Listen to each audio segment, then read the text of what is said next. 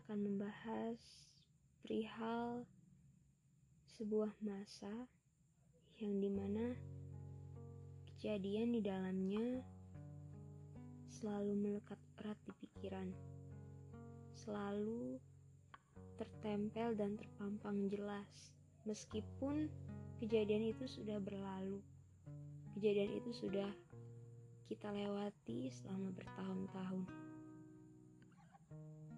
Dengan kata lain, kita akan membahas tentang masa lalu. Tapi masa lalu yang dibahas kali ini adalah masa kelam yang di mana kejadian di dalamnya sering tiba-tiba terlintas di pikiran. Dan saat kejadian itu menguasai diri, saat kejadian itu memenuhi pikiran, kita akan ketemu sama fase menyedihkan yang di mana akan dengan sangat mendadak tangis membuncah. Lalu rasanya sesak dan sangat-sangat menyakitkan. Meskipun rasa sedih itu sudah berkali-kali kita rasakan. Meskipun rasa sakit itu sudah sering kita rasakan. Maksudnya, setiap kali kita terima tentang itu, rasa sakitnya tetap sama, walaupun sudah kita lewati selama bertahun-tahun, walaupun sudah seharusnya nggak perlu diingat, seharusnya dikubur rapat-rapat. Tapi meskipun kita usaha untuk kayak begitu, kita akan selalu ingat dengan jelas, bahkan sangat rinci. Dulu, saya punya masa yang sangat-sangat mengejutkan. Kejadian itu udah berlalu sekitar 1, 2, 3 kisaran waktu saya masih kelas 5 atau 6 SD artinya sekitar 8 tahun yang lalu. Sampai detik ini saya sangat ingat dengan jelas kejadian waktu itu. Padahal 8 tahun itu bukan waktu yang sebentar. 8 tahun itu waktu yang lumayan lama dan saya ini sebenarnya tipikal orang yang mudah lupa. Kejadian itu sangat sangat suram, menyakitkan dan membekas di diri saya. Saya bisa ingat dengan rinci. Sebenarnya kalau dikatakan saya korban, mungkin iya Iya, saya korban. Tapi di lain sisi saya selalu dihantui sama rasa bersalah.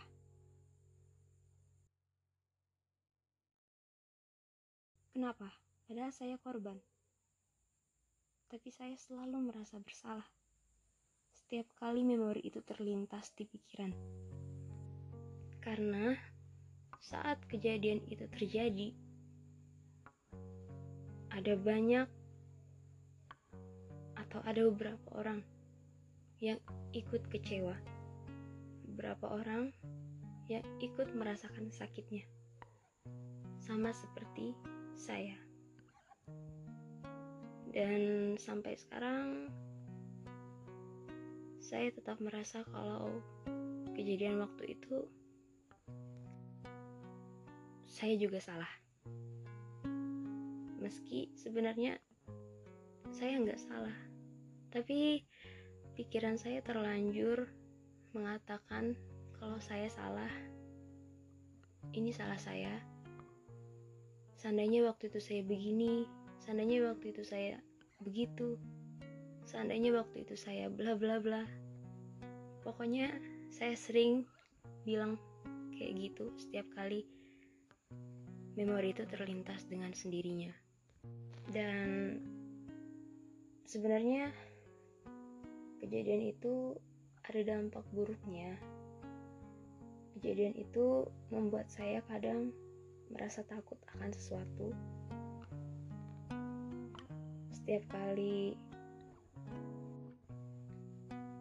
saya di posisi yang hampir mirip seperti waktu itu, saya sering merasa takut, tapi syukurnya rasa takut itu sekarang perlahan sudah mulai hilang.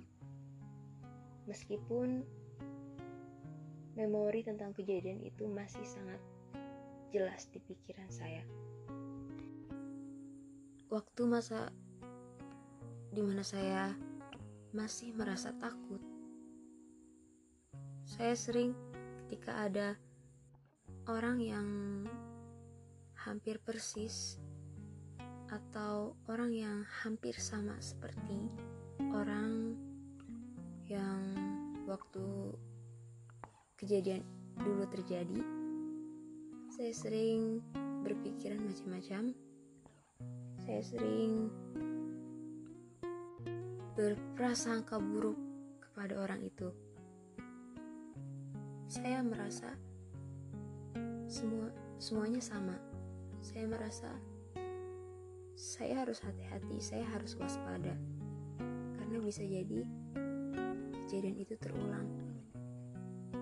Itu yang sering terjadi waktu saya masih belum bisa membuang rasa takut. Saya akui masa itu sangat kejam. Masa itu sangat membuat warna di hidup saya menjadi abu-abu. Tapi semakin berjalannya waktu,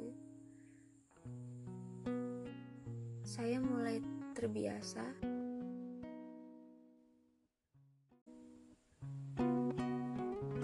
Saya mulai terbiasa sama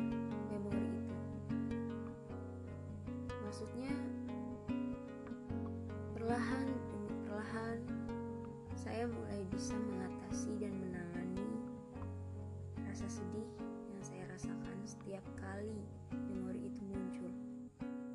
Ketika saya membandingkan masa yang lalu sama masa yang sekarang, saya bersyukur karena Tuhan melindungi saya. Karena saya bisa lari dari masa itu. Lari ke tempat yang lebih baik. Lari ke tempat yang lebih berwarna. Bukan lagi abu-abu, bukan lagi kesuraman. Atas apa yang telah terjadi, saya mungkin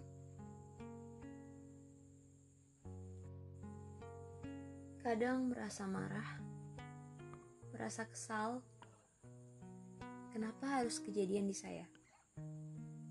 Kenapa harus saya yang mengalaminya? Tapi itu gak berlangsung lama kok. Ketika saya melihat sisi lain, ketika saya melihat suatu berita atau suatu kenyataan dari orang lain yang hampir persis seperti yang saya alami, saya merasa saya tidak sendiri. Bukan cuma saya kok yang mengalami ini. Ternyata di luar sana masih banyak. Di luar sana banyak yang mengalami hal seperti ini. Persis seperti saya. Bahkan mungkin ada yang lebih buruk maka ketika saya merasa tidak sendiri, saya pun kembali sadar.